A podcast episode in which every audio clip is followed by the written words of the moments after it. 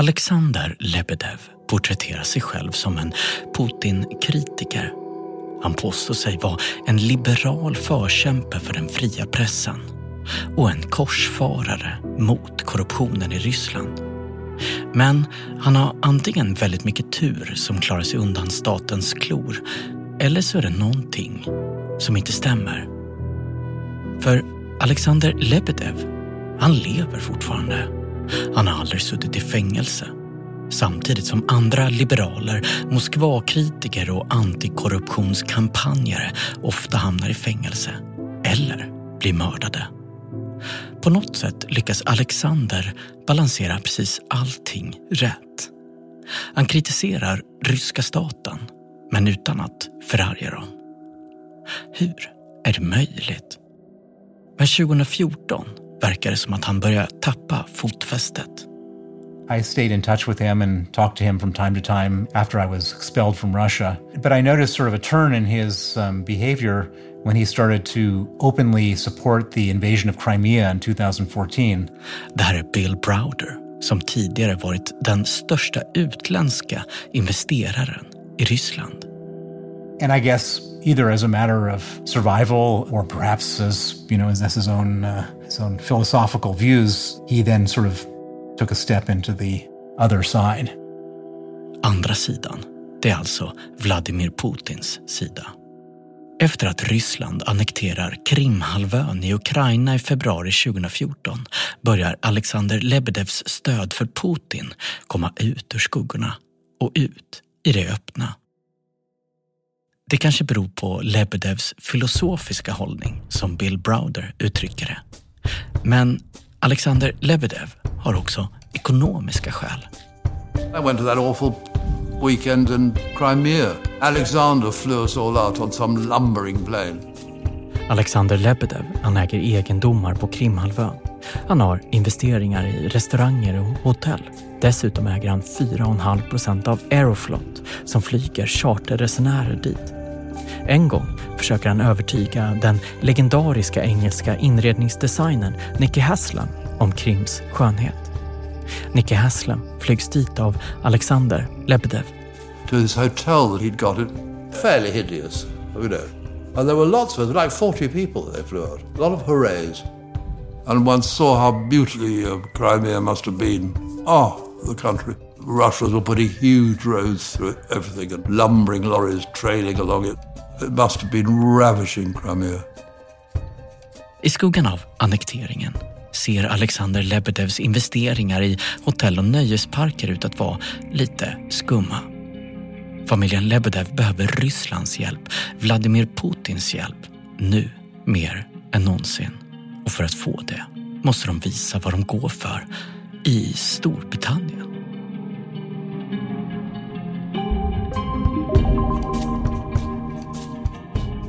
Där är Londongrad, oligarkerna som festade till sig makten. Den här serien gjordes ursprungligen av Tortoise Media och har adapterats och översatts till svenska av oss på Nodio och Third Ear Studio. Vår reporter Paul Caruana Galizia söker svaren om hur de ryska oligarkerna tog över London. Han har sedan 2021 rapporterat om oligarkernas framfart i London. Och den här serien Londongrad publicerades första gången 2022 i Storbritannien. Jag heter Martin Jonsson. large groups of pro Russia troops surrounding Ukrainian bases, ordering their forces off of them so they can occupy them. America is officially calling a Russian invasion of Ukraine. Russian troops spreading out throughout the uh, strategic Crimean Peninsula. I över två veckor så har ryska soldater haft kontrollen över nästan hela den här halvön. Annekteringen av Krimhalvön 2014 planeras av en man som heter Vladislav Surkov. Han jobbar på Vladimir Putins regeringskansli. Efter soldaterna kom president Vladimir Putin tillsammans med några politiska ledare från Krimhalvön. Vladislav Surkov är en av arkitekterna bakom det politiska system som byggts upp under Vladimir Putins tid vid makten. The international warning to Russia to end its invasion is being ignored. Bara två veckor innan invasionen av Krim mejlar Alexander Lebedev till Surkov. Han har en idé. Han undrar, vad skulle hända om en grupp offentliga personer som Alexander själv skriver ett öppet brev? Ett brev där de jämför annekteringen av Krim med folkomröstningen om Skottlands självständighet. Tänk om det blir ett toppmöte med världsledare som förhandlar ett avtal för annekteringen. För då vet Alexander precis var det där mötet ska hållas. På Tjechov-teatern på Krim, som han själv finansierar. Och innan han skriver till Vladislav Surkov så varnar Alexander Lebedev dessutom regeringskansliet i Moskva att en invasion kan förstöra turismen på Krim. En normal bieffekt av invasioner. Men Alexander Lebedev har dessutom en genialisk plan för hur man kan reparera skadan på turismen. Han föreslår att Kreml skickar sin personal på obligatorisk semester på Krimhalvön och erbjuder rabatt på Aeroflot, flygbolaget som han fortfarande har aktier i. En organiserad ledighet som Alexander Lebedev kallar det. Både för anställda på försvars och inrikesdepartementen och för statligt ägda bolag som Gazprom. Det blir aldrig något öppet brev. Alexander Lebedev skriver istället en ledarkolumn i The Independent under eget namn. Där ser det ut som att han kritiserar Kreml, men föreslår ändå toppmötet på Krimhalvön och varnar för ytterligare sanktioner mot Ryssland. Han får stöd av sin son, Evgeny Lebedev. Så här rapporterar BBC. I think if sanctions were to go any further, I think the city of London and London, London's economy would have been affected. But I think now there is not going to be any further incursions into any land, and not, def- not, not eastern Crimea, and definitely not anywhere further. So I think it's now, t- now time to talk. De två Lebedev-männen, far och sons strategi, är tvådelad. Medan Alexander Lebedev lobbar bakom kulisserna mot högt uppsatta tjänstepersoner i Kreml så försöker Evgenij Lebedev satsa ännu hårdare på att integrera sig bland makthavarna i Storbritannien. Och det går faktiskt väldigt bra. Ett år efter annekteringen av Krim sover Evgenij Lebedev utomhus på Londons gator tillsammans med den dåvarande borgmästaren i London, Boris Johnson this may look like a bit of a stunt, and in a way, it is, it, of course, it is a bit of a stunt. You know, we uh, are just getting a tiny idea of what it's like to, to sleep out rough in London. De filmas för att samla ihop pengar till en kampanj mot hemlöshet som tidningen The Evening Standard arrangerar. So that's why it was important for my media group to get behind this campaign. Med skidjackor och svarta mössor kryper de in i sovsäckar. De delar på en flaska whisky och snackar med varandra. We've been told this evening it takes about seven days on average for people who are sleeping on the streets to start um, having mental problems and you can see why, you really can.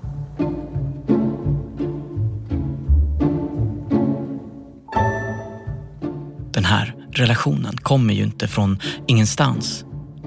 I förra avsnittet berättade vi om deras luncher som Boris Johnson och Evgeny Lebedev börjar med när de träffas på en välgörenhetsfest.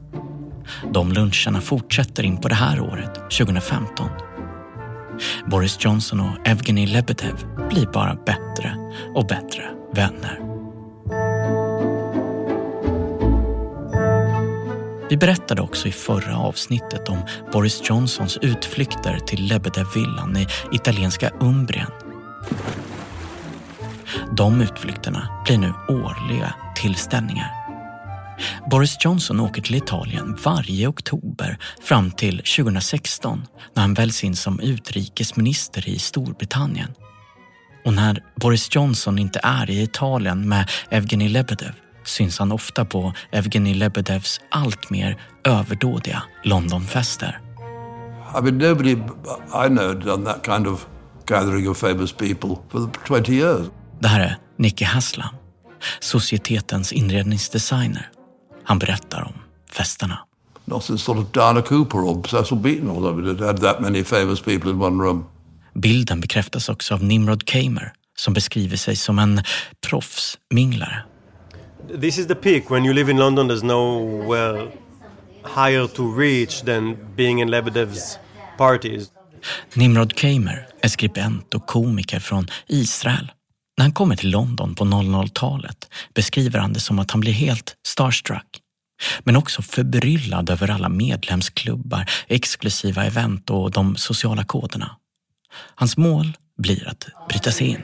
And one of the first events I happened to snuck into, that's my hobby, sneaking into parties, was the Evening Standard Theatre Awards. Python professional, Vår reporter Paul Caruana Galizia pratar med Nimrod Kamer över en lager på puben The Grapes. Puben ligger i Limehouse i London och är en kulturminnesmärkt pub från 1600-talet. Evgeny Lebedev köpte upp puben tillsammans med skådespelaren Ian McKellen och hans dåvarande partner. Alltså samma Ian McKellen som spelar Gandalf i Sagan om ringen. I came in somehow mumbling some names on the guest list that I knew were inside of saying I'm their plus one. I met so many people inside from the Vogue editor, Lady Anna Wintour. She was sat with Lebedev. I have a picture from then, 2012 it was. I just walked up and I wondered who was in the front table. It was Lebedev, Anna Wintour. Anna Wintour's son was there, the, uh, Stephen Fry. And they were all sitting next to this cool 29, 30 years old, I think he was back then. And I took a selfie with him. So from that moment forward, I knew that I have to sneak into each and every party. And I started to understand the calendar of the parties, the Christmas party in London, the summer party. Annually, I always try to get in there.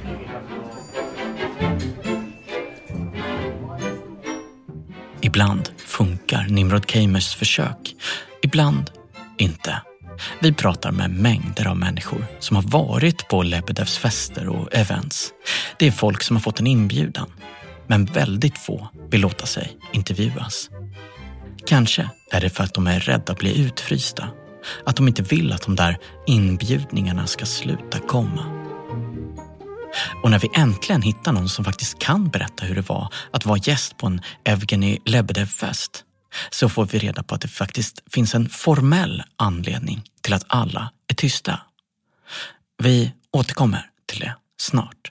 Okay, well, I'm Matthew Norman. I was a columnist for The Independent and um, many other newspapers for some 30 years. Matthew Norman träffar Evgeny Lebedev för första gången på en middag i Mayfair, den mest exklusiva stadsdelen i London. Lite som Östermalm är i Stockholm. Och han gillar Evgeny Lebedev, som Matthew Norman beskriver som en bra lyssnare. I was the kind of person that was like favoured servant status, I think. I mean, I think we got on. I think we're quite fond of each other. But, you know, in, in, in sort of Edwardian novels or Agatha Christie novels, the local doctor might be asked to the great house to make up the numbers at bridge. And also, I think great people or people with pretensions to be regarded as great need little people to magnify themselves. So you want a few of them scattered around the room. 2015 blir Matthew Norman inbjuden till Evgeny Lebedevs julfest i en lägenhet i ambassadkvarteren vid Portland Place. Det ligger precis bortanför shoppinggatan Regent Street, inte långt ifrån svenska ambassadörens residens. So I had a few vodkas at home and turned up. And um, I'm glad I did really because it was it was like a sort of mescaline fueled dream. You can't quite believe what you're seeing. So you walked into this hallway and it was almost impossible to move. But everywhere you look, it was like an animatronic Madame Tussauds. Everywhere you look was someone who would be recognized in at least 160 UN sovereign states. So thither was David Cameron and hither was Ian McKellen and Mick Jagger. And... Den här julfesten är väldigt kändistät. Men det är också många politiker här. There was a little room at the side with a bar which was much needed. So I nipped in there and asked barman for an octuple vodka on the rocks. And I just take take a breath and I look around the room and I think one of the more surreal sights of a highly surreal evening was the sight in the corner on a sofa of Dame Shirley Bassey. And I just thought this is completely surreal.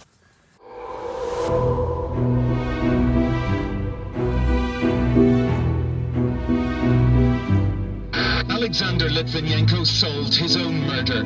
As he lay dying, he told British police his tea had been poisoned by two Russians he'd met at a hotel. Nyåret rullar in. Och 2016 börjar mycket mindre glamoröst och blir desto mer surrealistiskt. Som alltså pekar ut den ryske presidenten Putin att han ska ha godkänt ett mord 2006 på en avhoppad rysk agent Alexander Litvinenko. Rapporten kom för någon halvtimme sedan. Ett decennium efter att ryska agenter giftmördar Alexander Litvinenko i London släpps den offentliga brittiska utredningen kring hans död i 2016. Hans änka, Marina Litvinenko, har kampanjat för att den ska släppas i flera år. Den dåvarande inrikesministern Theresa May hon har motverkat publiceringen av utredningen för att inte riskera Storbritanniens relationer med Ryssland. Ja, ända fram tills Putin annekterar Krimhalvön 2014. New investigation concludes what many suspected that the deadly plot likely went all the way to the top of the Kremlin. Marina Litvinenko och hennes son Anatoly som deltog i utfrågningar under utredningen får nu äntligen lite svar. Anatoly Litvinenko berättar om vad utredningen kommit fram till om mordet på hans pappa. Because we got the report and naturally you flick to the back page to find out what what what the actual you know the actual meat of the judgment was and right at the end it sort of the coroner saying that this almost definitely happened you know the help of Russia and probably at the behest of Putin so him saying that directly Obduktionsrapporten är tydlig. Så här berättar obducenten själv. The FSB operation to kill Mr. Litvinenko was probably approved by Mr. Petruchev, then head of the FSB, and also by President Putin. Han berättar inte bara att Litvinenkos dödsfall var ett statligt sanktionerat lönnmord. Han bekräftar vad många redan misstänker, att lönnmördarna skickats till London på Putins egna order. Det kan vara så att resultatet från utredningen förvånar Evgenij Lebedev. Innan rapporten släpps twittrar Evgenij Lebedev ut en konspirationsteori om att Litvinenko mördats av militära underrättelsetjänsten MI6. Han beskriver den som citat intressant och lägger till det ligger nog mer i det än den allmänt accepterade Putin-kopplingen. Slutcitat. Men nu är Putin-kopplingen officiellt accepterad. Och om inte ens mordet på Alexander Litvinenko är tillräckligt för Storbritanniens makthavare för att skarpt byta kurs i sin hållning gentemot Ryssland så måste ändå det här avslöjandet om Putins order göra det. Men de har andra saker att tänka på. Vid den här tiden i början av 2016 är David Cameron premiärminister. Då tillkännager han också folkomröstningen om Brexit. Ska Storbritannien lämna EU eller inte? David Cameron, som initierat det hela, vill att de ska stanna kvar. Men hans vän och ärkefiende Boris Johnson, han är inte lika säker. Några dagar efter att folkomröstningen har annonserats i slutet av februari 2016 anordnar Boris Johnson en middag med sin dåvarande fru Marina Wheeler. De bjuder sina närmsta vänner som justitieminister Michael Gove och hans fru Sarah Wine, men också Evgeni Lebedev som är som vanligt uppklädd och fixad. Vardagsrummet där middagen hålls är både propert och stökigt samtidigt. Michael Gove argumenterar för Brexit medan Boris Johnson blir allt mer upprörd, nästan uppjagad. Frågan är om Boris Johnson ska låta sig övertygas och gå med på Goves sida. Sarah Wine, som är gift med Michael Gove, håller samtidigt med Johnsons fru Marina Wheeler i samtalet och säger till henne citat “Vad som än får killarna bli glada”. Slutcitat. Hon beskriver middagen som lite surrealistiskt och att det snart blir citat ännu mer bisarrt. Slutcitat. Oliver Letwin, en annan minister i regeringen, slussas in i middagssamtalet över en iPhone.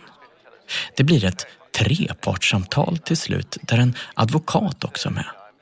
De pratar om de juridiska svårigheterna kring brittisk självständighet. Lebedev, Sarah Wine och Marina Wheeler tuggar samtidigt i sig maten medan samtalet pågår. Det är lamm som är slow cooked. De försöker artigt prata med varandra medan politikerna debatterar och Boris Johnson hyschar dem varje gång de blir för högljudda. Oliver Letwin, han försöker övertyga Johnson att stödja sidan som vill stanna kvar i EU. Men han misslyckas. Det här är alltså kvällen då Boris Johnson bestämmer sig för att gå med i den officiella Brexit-kampanjen med Michael Gove. Det blir en vild chansning som senare kommer löna sig för Johnson. Alltså verkligen löna sig. Och allt händer framför ögonen på Evgeny Lebedev. Well, at 20 minutes to five, we can now say the decision taken in 1975 by this country to join the common market has been reversed by this referendum uh, to leave the EU. The British people have made a very clear decision, and as such, I think the country requires fresh leadership to take it in this direction. Evgeny Lebedev, han gillar Brexit-gänget, enligt tidigare medarbetare. För honom blir folkomröstningen ännu en anledning till att festa. De firar sommarens folkomröstningen på Studhouse, 1700-talsvillan som Evgeny Lebedevs pappa äger precis vid slottet Hampton Court Palace. The other one that was particularly memorable was the one that was um, on the Sunday after the Brexit vote in um, June of 16. Matthew Norman, kolumnisten på The Independent, igen. And I had no idea. I thought it was just going to like a little Sunday lunch. So I turned up pathetically with some desperately cheap, mediocre bottle of wine and then saw that it was this massive marquee in the grounds of Hampton Court. Matthew Norman är inbjuden till festen, även om man tror att det ska vara en liten lunch. Och för en gångs skull blir också proffsminglaren Nimrod Kamer det också. My big break came when after the Brexit referendum in 2016, Lily Allen, who became my friend suddenly by DMing me. She said there's a party at Lebedev's house. She said she could take me with her. We go in really early to this like wonderful country house around Richmond, and the only people standing are Nigel Farage, Rupert Murdoch, and Sadiq Khan, and then Lebedev bringing drinks to them. Lebedev brought drinks to them. Yeah, he brought drinks. He was like in a home vibe the way he dressed, as opposed to Nigel Farage, who was like over the top with British flag shoes, and Rupert Murdoch, like it was a Miami party. Oh, here there's another. This is me and Ian McKellen in the tent during the lunch. Uh, Patrick Stewart. So here is the Lily Allen and Sadiq when I came in, and here it's me before I spoke to Rupert and Nigel. Lebedev is behind Rupert. They can't see him.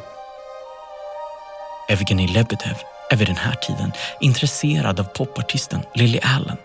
En av hennes vänner berättar att han föreslår att de ska gifta sig. Därefter bjuder han Lily Allen till Studhouse. Lebedevs livvakt varnar Lily Allen att inte ställa till med en scen.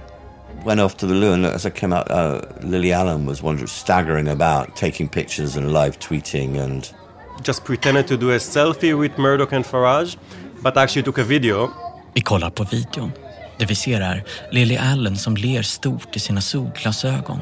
Propert klädda servitörer håller brickor med champagneflaskor. Det är stora blomarrangemang. Och så tidningsmagnaten Rupert Murdoch och Brexit-förespråkaren Nigel Farage som ser lite finurliga ut. Take a quick picture us. Brilliant. This, this, this is the official live party, no? There's no live parties. It's the rage party. Yeah. No one ever celebrated. call it that if you want. Yeah, everyone was so sad apart from you. Okay. We're celebrating. Yeah. Good. I tell you what, there's plenty of celebrations out there.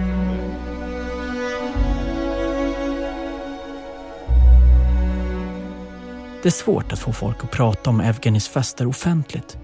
För Nimrod Kamer handlar allt om att bryta sig in och avslöja dem. Men han har aldrig kommit in på Lebedevs ställen i Italien. Men det gör Matthew Norman, kolumnisten på The Independent, tillsammans med några från Evgenij Lebedevs kontor.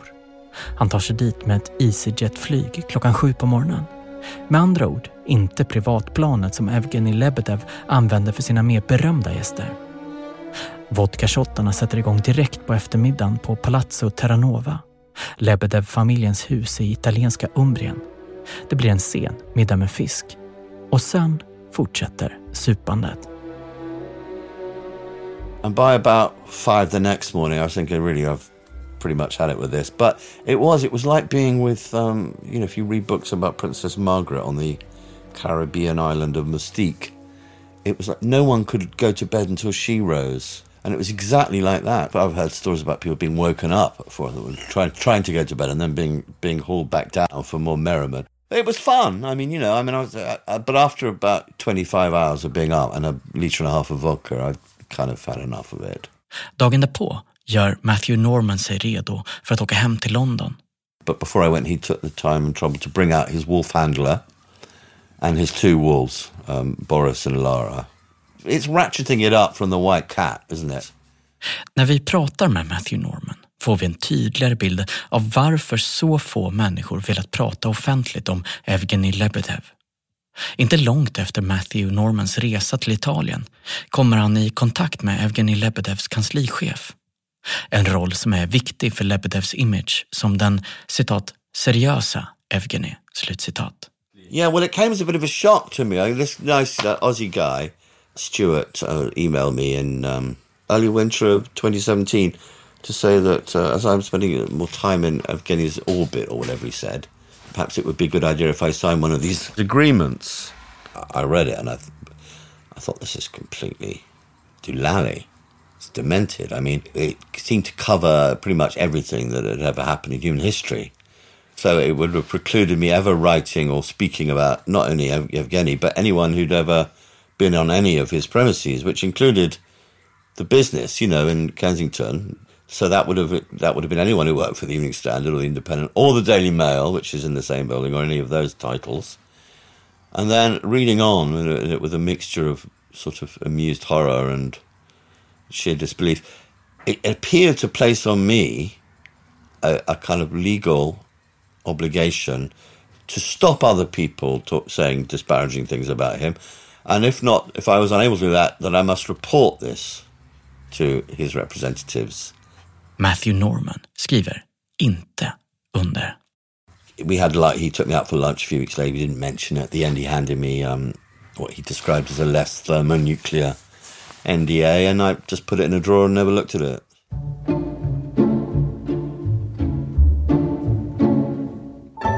Även om Matthew Norman inte ser något på festerna som faktiskt kräver ett sånt bombsäkert sekretessavtal så gör andra det. Och efter det att vi pratat med flera gäster på de italienska festerna, bara i researchsyfte, så är det lättare att förstå varför Evgenij Lebedev använder sekretessavtal. Utflykterna till Italien går nästan alltid enligt samma schema. Vodka klockan 17 runt ett bord där det ligger en uppslagsbok som heter Big Penis Book The Fascinating Phallus och så middag klockan 22. Men beroende på gästlistan kan det spåra ur. Det finns ett utklädnadsrum. Det blir karaoke. Boris Johnson sjunger till exempel i en ABBA-peruk. Varje gäst förväntas någon gång under kvällen att dansa med Evgeni Lebedev. Och om någon av gästerna försöker smyga sig undan till sovrummet innan den dansen så blir de väckta av andra gäster.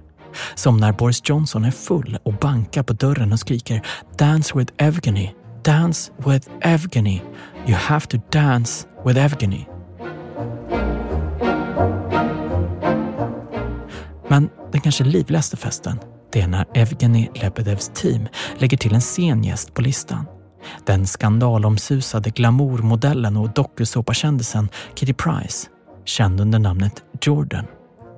Evgeny Lebedev, som verkligen älskar dokusåpor och vill att folk ska underhålla honom, tänker att hon kanske kan ge en extra krydda till festen. Och han har mer rätt än han tror. Katie Price flygs in med Evgeni Lebedevs privatplan där hon njuter av gratis champagne. Drickandet fortsätter och byts ut mot vodka på Palazzo Terranova. Några av gästerna som hon festar med är skådespelerskorna Joanne Collins och Elizabeth Hurley. Men också Boris Johnson och hans dåvarande fru Marina Wheeler och en av hans bröder. Evgeny Lebedev placerar Katie Price bredvid Boris Johnson som nu är utrikesminister i hopp om att de ska gilla varandra, komma varandra nära. Och som vanligt förväntar sig Evgeny Lebedev att hans gäster ska stå upp och skåla för honom. Han försöker lämna ordet till Katie Price och till hennes förtjänst så ställer hon sig upp och de andra gästerna skruvar på sig och tittar ner. Kitty Price säger att folk vill bara ha en sak från henne. Hon säger citat, “Ni vill alla se dem, eller hur?” Slutcitat. Sen lyfter hon sin topp för att visa sina bröst. Hon vänder sig mot Storbritanniens utrikesminister och säger till honom citat, “De är som granit.” Slutcitat. Hon vänder sig till resten av gästerna och frågar citat, “Är det någon som vill komma i min mun?” Slutcitat. Så det är inte så konstigt att Evgenij Lebedev vill ha ett sekretessavtal eller varför Italiens underrättelsetjänst, som vi kommer höra mer om senare, beskriver Lebedevs fester i Umbrien som Red Light Parties.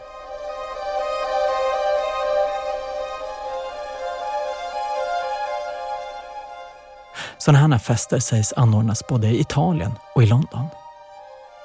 Det eviga ryktet är att Lebedev-familjen använder de här festerna för att samla vad ryssarna kallar kompromat på politiker. Material som kan användas för utpressning. Den anklagelsen anser två stammisgäster vara struntprat och även Evgenij Lebedev själv. Men frågan är om man kan avfärda den teorin helt. Även om Palazzo och slottet i London inte är buggat, som en del verkar tro, har Evgenij Lebedev fotografiskt minne enligt flera källor Sen så handlar det ju också om hans pappa.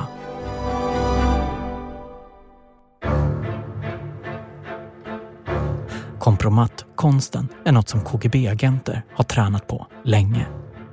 Hans far, Alexander Lebedev, fortsätter med det när hans bank utreds av ryska riksåklagaren för bedrägeri. Alexander Lebedev instruerar sitt säkerhetsbolag att följa efter åklagaren och sen släppa en sexvideo där säkerhetsbolaget hävdar att det är åklagaren som syns ligga med två unga prostituerade kvinnor. Och av en slump så är det samma åklagare som utreder Kreml-tjänstemän för korruption. Den tidigare direktören för ryska säkerhetstjänsten, FSB, ingen mindre än Vladimir Putin själv, vill också få bort åklagaren. Så Alexander Lebedev träffar Putin i en lägenhet i Moskva. Han tar med sig en av kvinnorna i sexvideon Alexander Lebedev säger till Putin att hon är villig att vittna åt åklagaren. Strax efter det förklarar Putin på rysk tv att sexvideon är autentisk. Åklagaren får sparken. Bedrägeriutredningen mot Alexander Lebedevs bank kollapsar. Och samma sak händer med korruptionsutredningen mot Putins allierade i Kreml. Så ser det ut när Alexander Lebedev har en bra relation med Putin. När den blir sämre är det Alexander Lebedev själv som blir mål för en kompromattoperation. 2012 släpper en rysk nättidning en video på Alexander Lebedev i säng med flera prostituerade ukrainska kvinnor vid flera tillfällen. Han säger att det är FSB som försöker trakassera honom. I videon så spelas hans vän Elton Johns klassiska hits Candle in the Wind och Goodbye Yellow Brick Road i bakgrunden.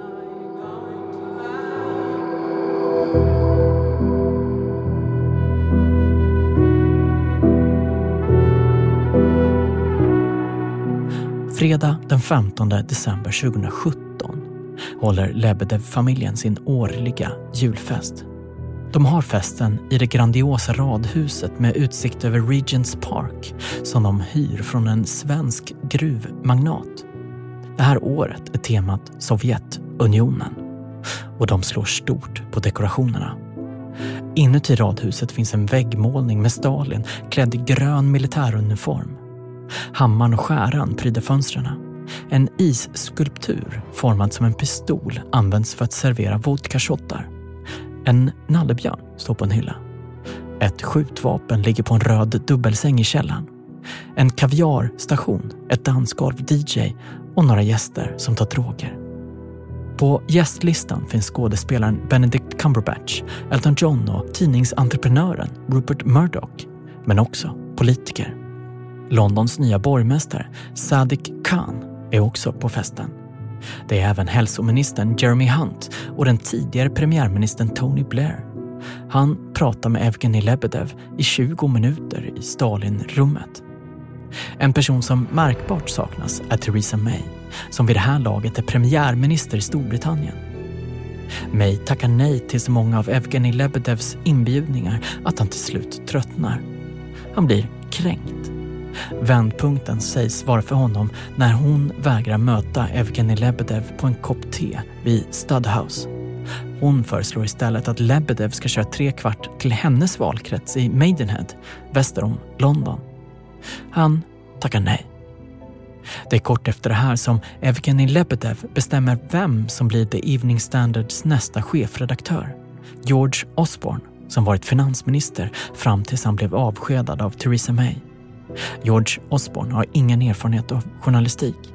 Han är upptagen fyra dagar i månaden som rådgivare för det skandalomsusade investeringsbolaget Blackrock. Men framför allt är han någon som hyser ett starkt förakt mot Theresa May.